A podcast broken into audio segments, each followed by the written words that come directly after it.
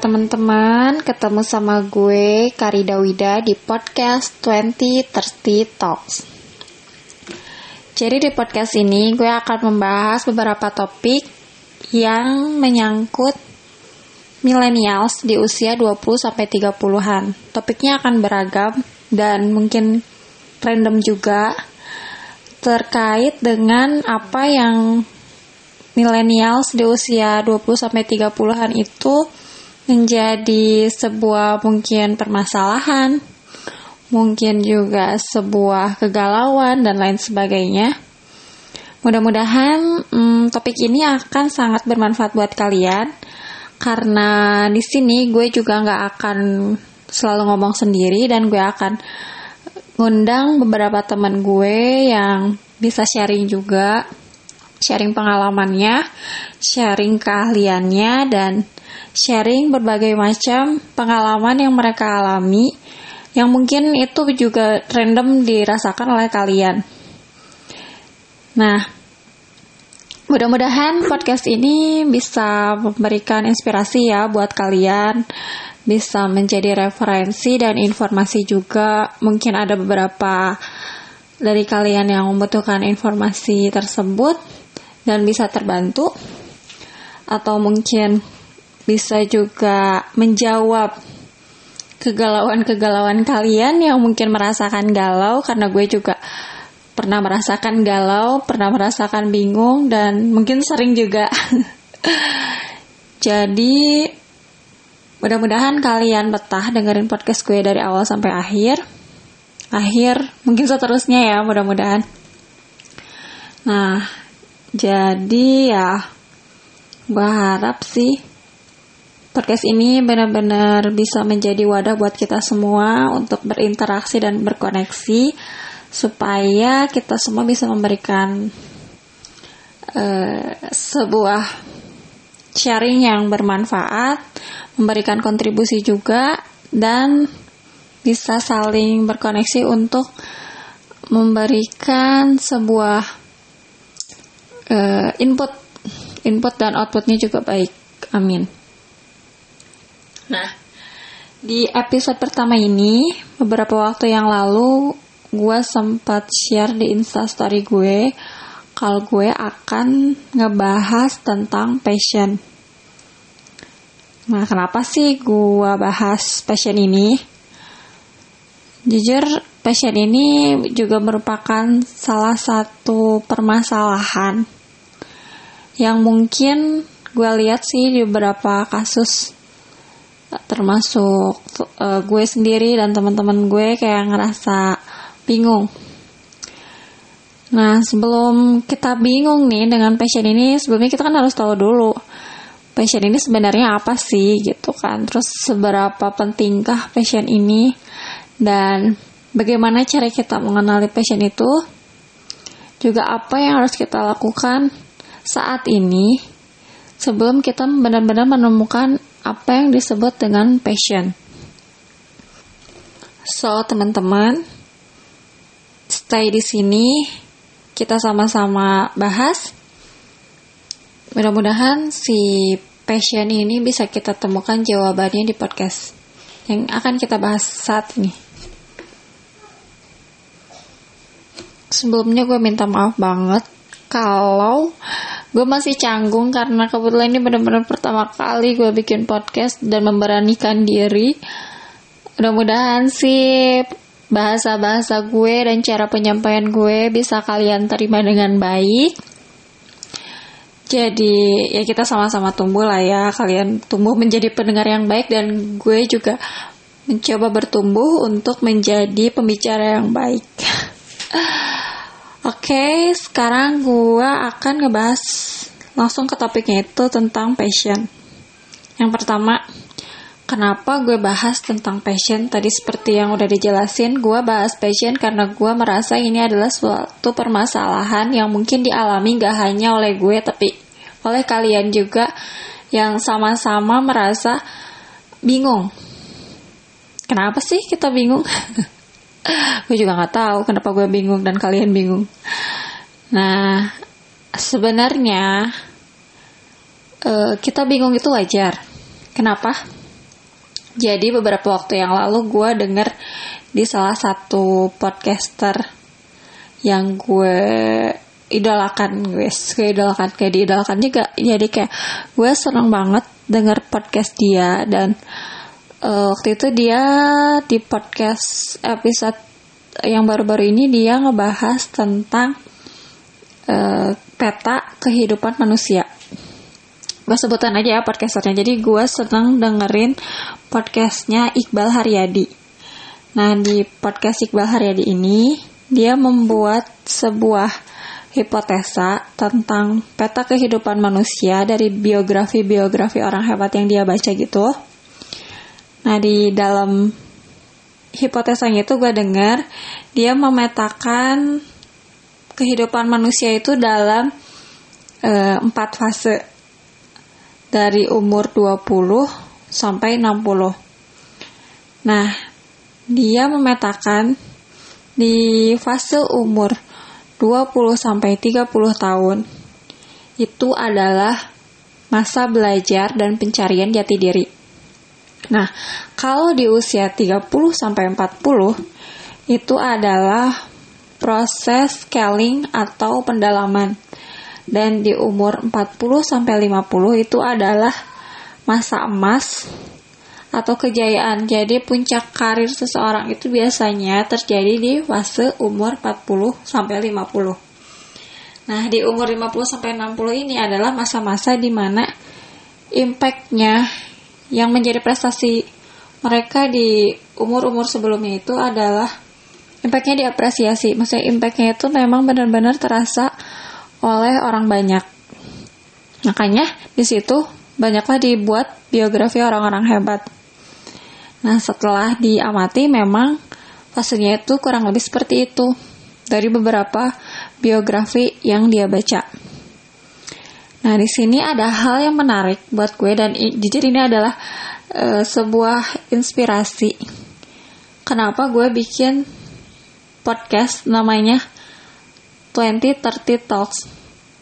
Jadi kenapa 2030 Talks? Karena 2030 Talks itu maksudnya adalah uh, tempat bicaranya anak-anak millennials di usia yang anak-anak juga sih orang-orang ya kali.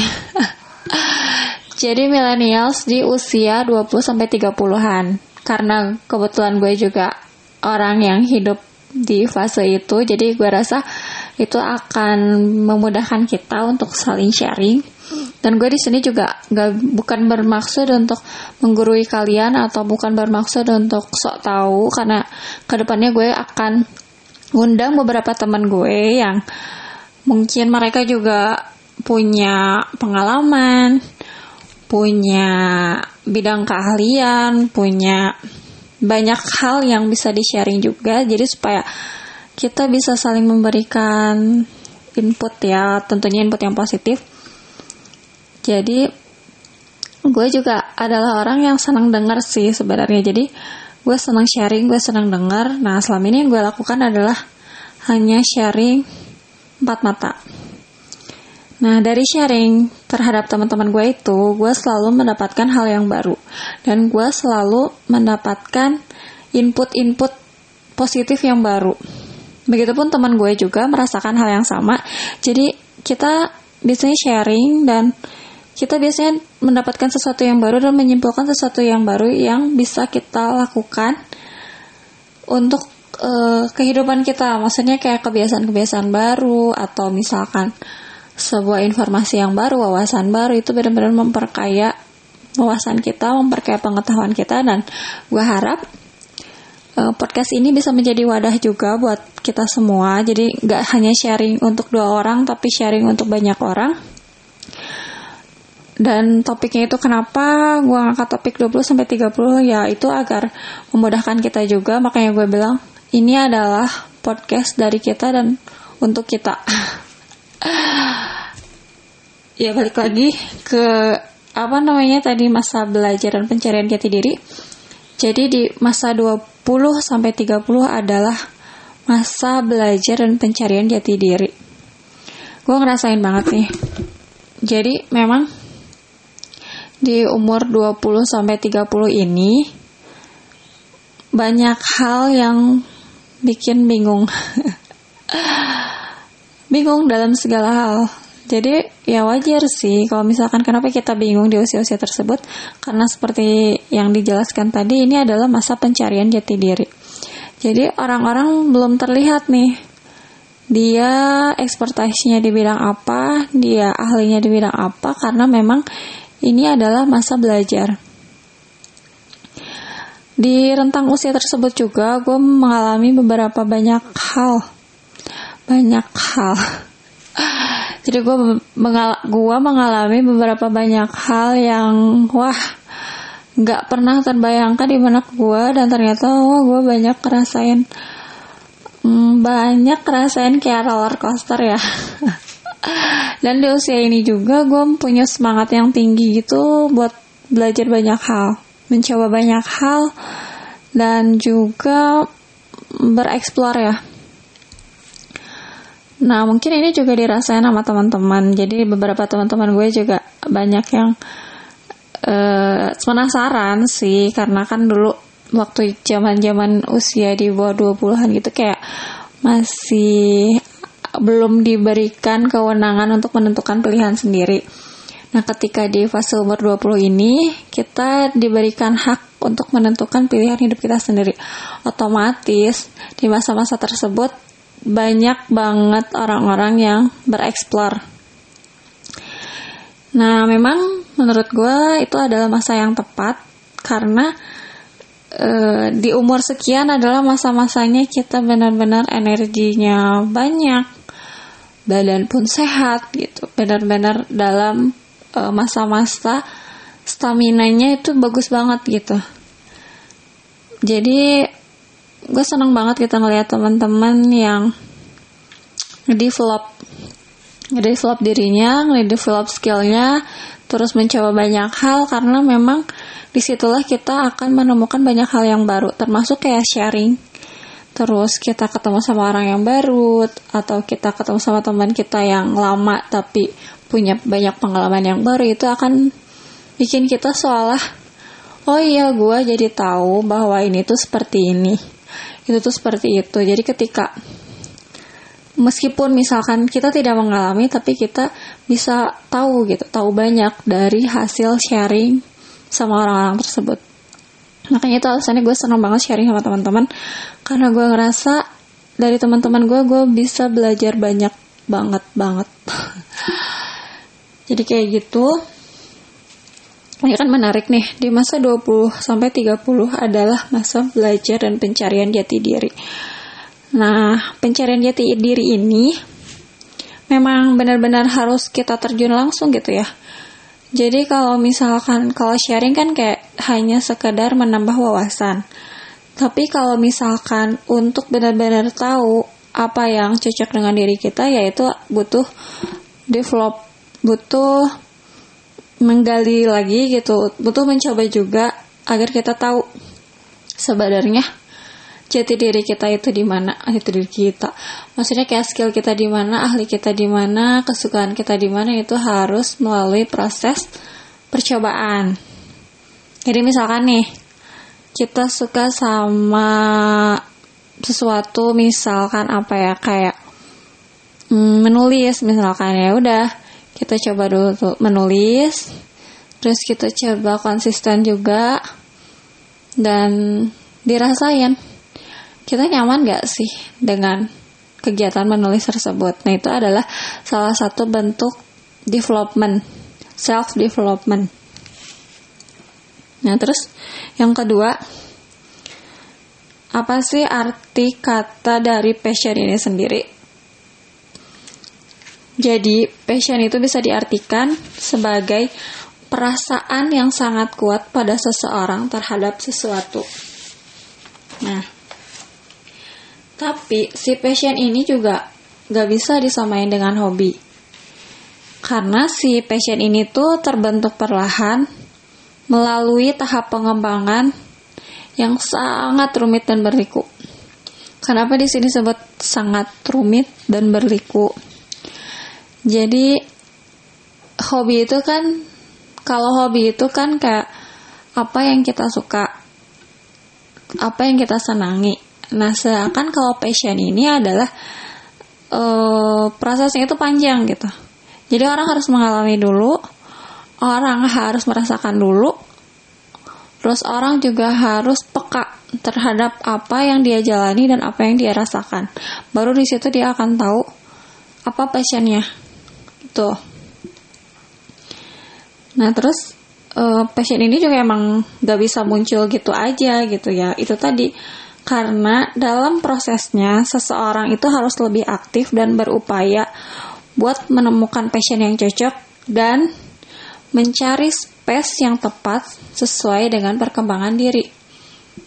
Jadi passion itu benar-benar dicari gitu. Kayak misalkan passion kita yang tadi misalkan passion kita hobinya menulis. Lalu kita mencoba apakah hobi ini relate dengan passion? Ya kita coba dulu. Kita nulis, terus kita gaul nih dengan berbagai macam. Maksudnya kita bergaul dengan orang yang sama mempunyai hobi tersebut dan kita rasakan apakah kita merasa serak? Apakah kita merasa cocok? Apakah kita merasa nyaman? Nah, di situ. Jadi harus mencari space-nya juga gitu jadi misalkan kalau lo mau um, passion lo mengklaim diri lo passion menulis ya lo harus cari dulu space yang tepat kalau misalkan lo suka nulis tapi lo gabung di komunitas penyanyi kan itu kayak gak ada hubungannya sama sekali dan itu gak akan bisa mendukung lo untuk mengembangkan diri lo di passion di passion tersebut. Nah, so that's why kenapa gue bikin podcast ini. Salah satu alasannya adalah yang tadi dibahas. Yang pertama, yang tadi dibahas di pembicaraan yang awal yang pertama karena gue sedang ada di tahap usia belajar dan pencarian jati diri jadi gue harus mencoba mengeksplor hal-hal baru termasuk kayak recording podcast ini menurut gue, menurut gue adalah hal yang baru karena gue belum pernah dan gue ingin mencoba nah yang kedua eh, podcast ini isinya adalah tentang berbicara. Jadi gue senang berbicara mungkin kalau disebut hobi gue nggak tahu cuman gue senang berbicara dan gue senang sharing. Dan gue merasa ini adalah space yang tepat. Nah itulah alasannya kenapa gue gue bikin podcast ini. Mungkin teman-teman juga bisa mencari kayak cari tahu apa yang lo senengi apa yang lo merasa lo nyaman gitu dan carilah space yang tepat. Oke, kalau gitu kita dengerin dulu satu lagu ini supaya lebih rileks dan gak tegang karena gue sendiri ini kayak ngerasa tegang banget. Jadi, oke okay, kita dengerin dulu musik, oke. Okay.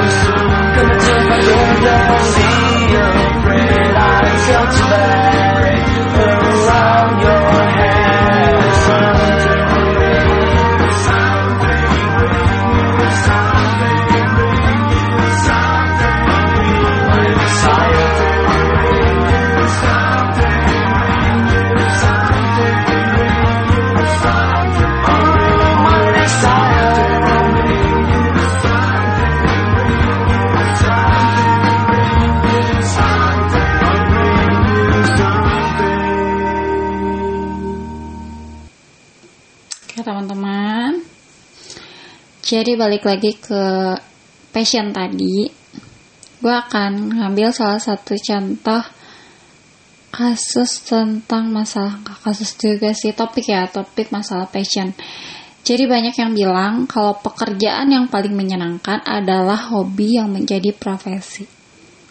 Oke okay, pernyataan itu gak salah juga tapi gak bisa dibilang benar sepenuhnya gitu.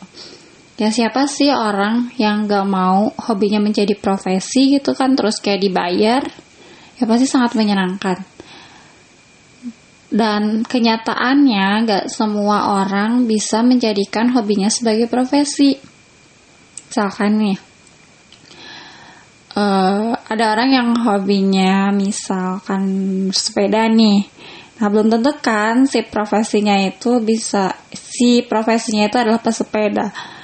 Ya, kalau misalkan jadi atlet ikutan lomba sih oke okay, gitu. Tapi kan pada kenyataannya ya semua orang bisa mewujudkan hal tersebut.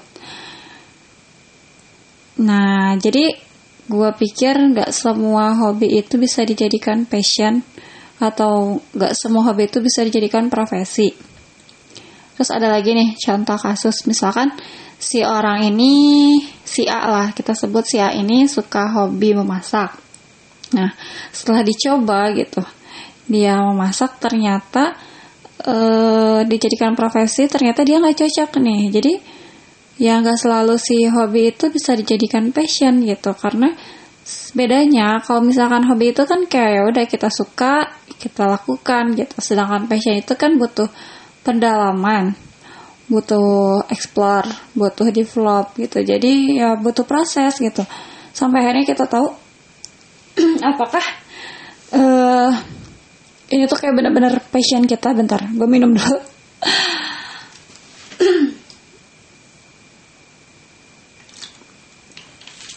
Jadi proses menemukan passion itu kan panjang gitu. Jadi nggak bisa kita klaim oh gue suka masak dan apakah passion gue memasak kan itu kayak belum tentu gitu. Nah jadi ya hobi itu bisa beda dengan passion sih. Gak selalu hobi dan gak selalu hobi kita itu bisa kita klaim sebagai passion kita.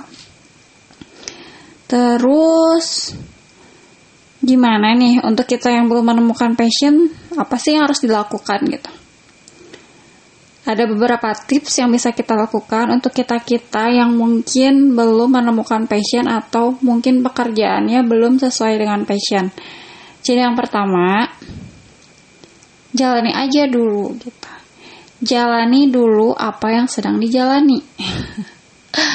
Nikmatin prosesnya. Jadi ya udah, misalkan hari, misalkan hari, misalkan di sekarang di masa sekarang kita punya pekerjaan sebagai praktisi atau pekerja industri mau itu industri kreatif, industri manufaktur atau dalam kurung tutup buruh. Curhat gue. Ya udah gitu.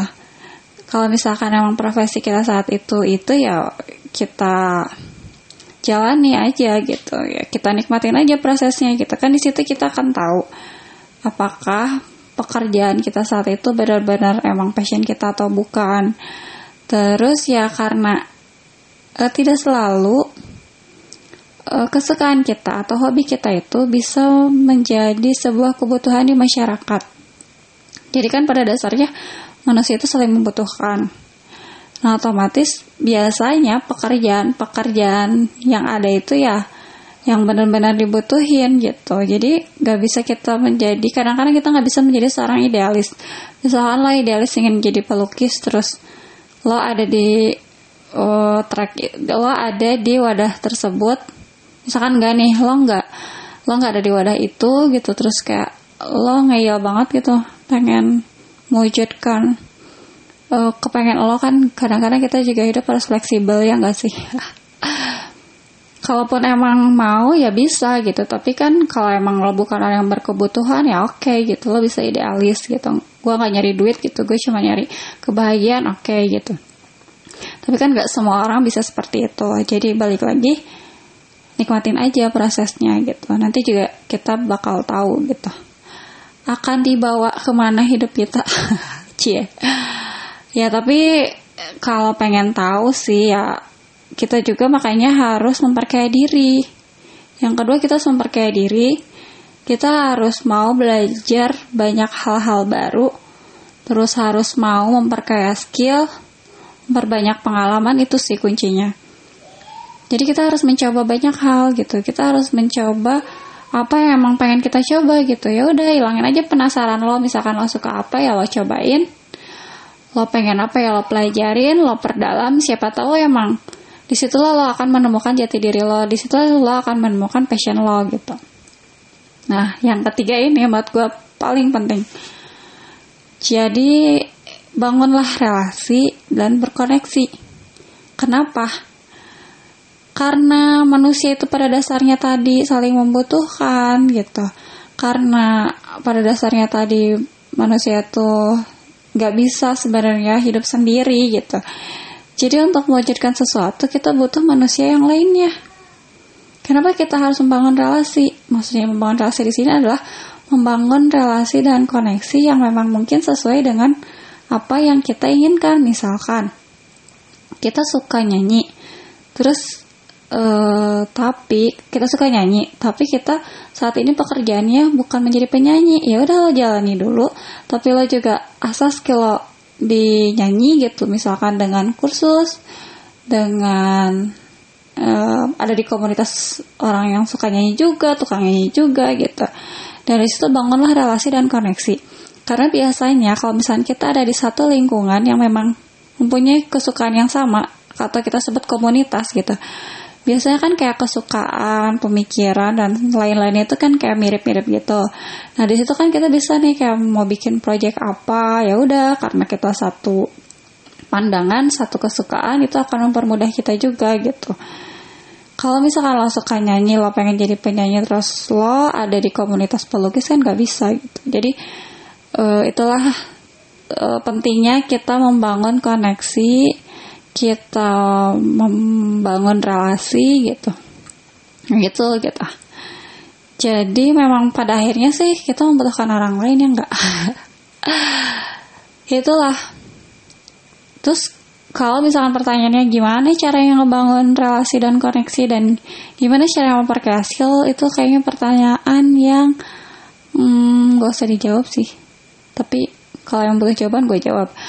Sebenarnya di era kayak seterbuka ini gitu. Gue yakin orang-orang kalian-kalian punya sosial media nggak?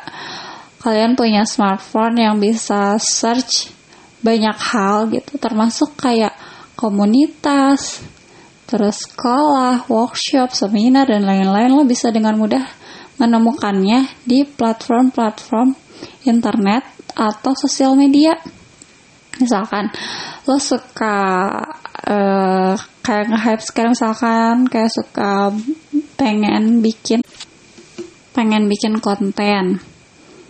Misalkan pengen bikin konten YouTube. Ya udah lo search aja kan gitu. Gimana cara bikin konten YouTube? Terus misalnya lo pengen bikin konten podcast kayak gini lo juga bisa search juga. Gimana caranya bikin podcast ini gitu. Sebenarnya banyak yang bisa kita pelajari dari kemudahan berteknologi gini ya. Jadi menurut gue gak ada alasan lo bilang gue gak punya akses informasi. Itu gak banget sih. Lo punya smartphone ya manfaatkan lah gitu. Lo punya internet manfaatkan lah dengan baik gitu untuk mendapatkan informasi dengan mudah.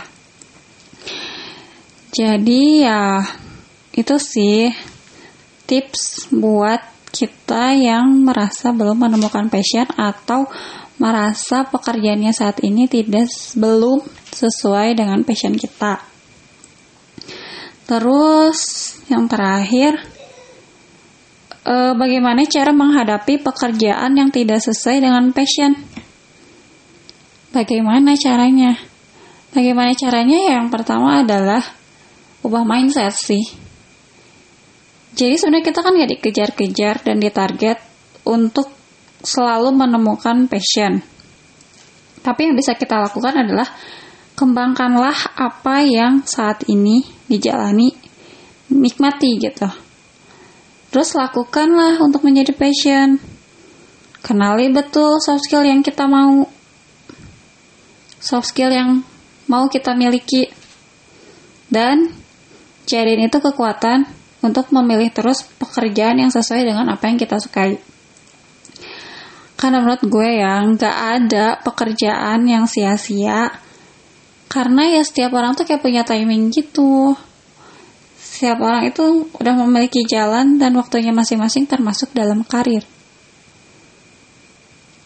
Karena sebenarnya ya, uh, yang harus kita lakukan adalah bekerjalah dengan hati. Yeah.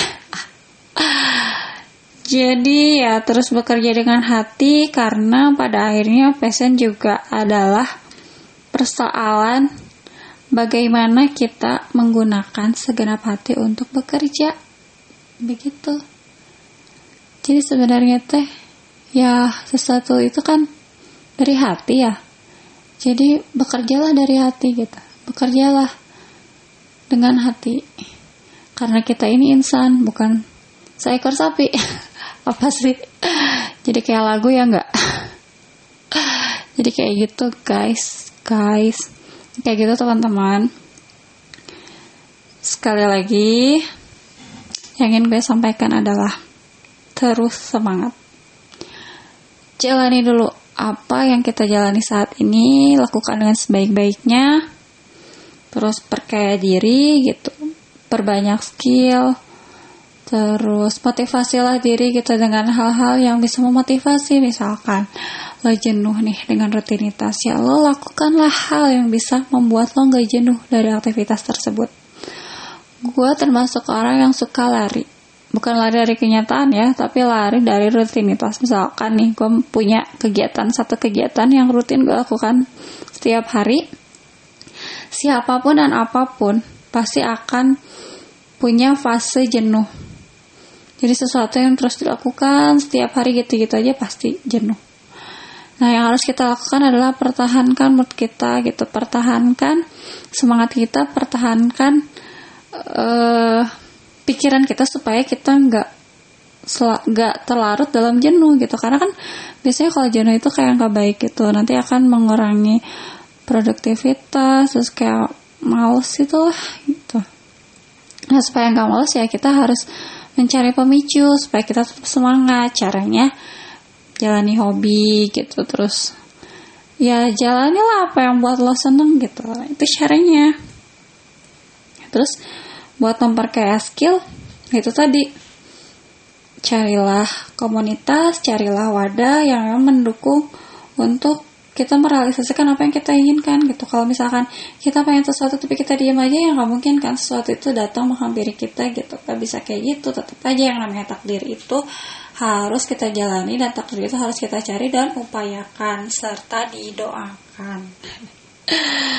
Ya mungkin kayak gitu aja teman-teman ini benar-benar pertama kali gue bikin podcast jadi sorry sorry banget kalau misalkan banyak banget kekurangan. Mudah-mudahan kalian enjoy mudah-mudahan kalian menikmati dan mudah-mudahan kalian meresapi semoga apa yang gue sampaikan di sini bisa bermanfaat buat kalian. So see you next episode. Thank you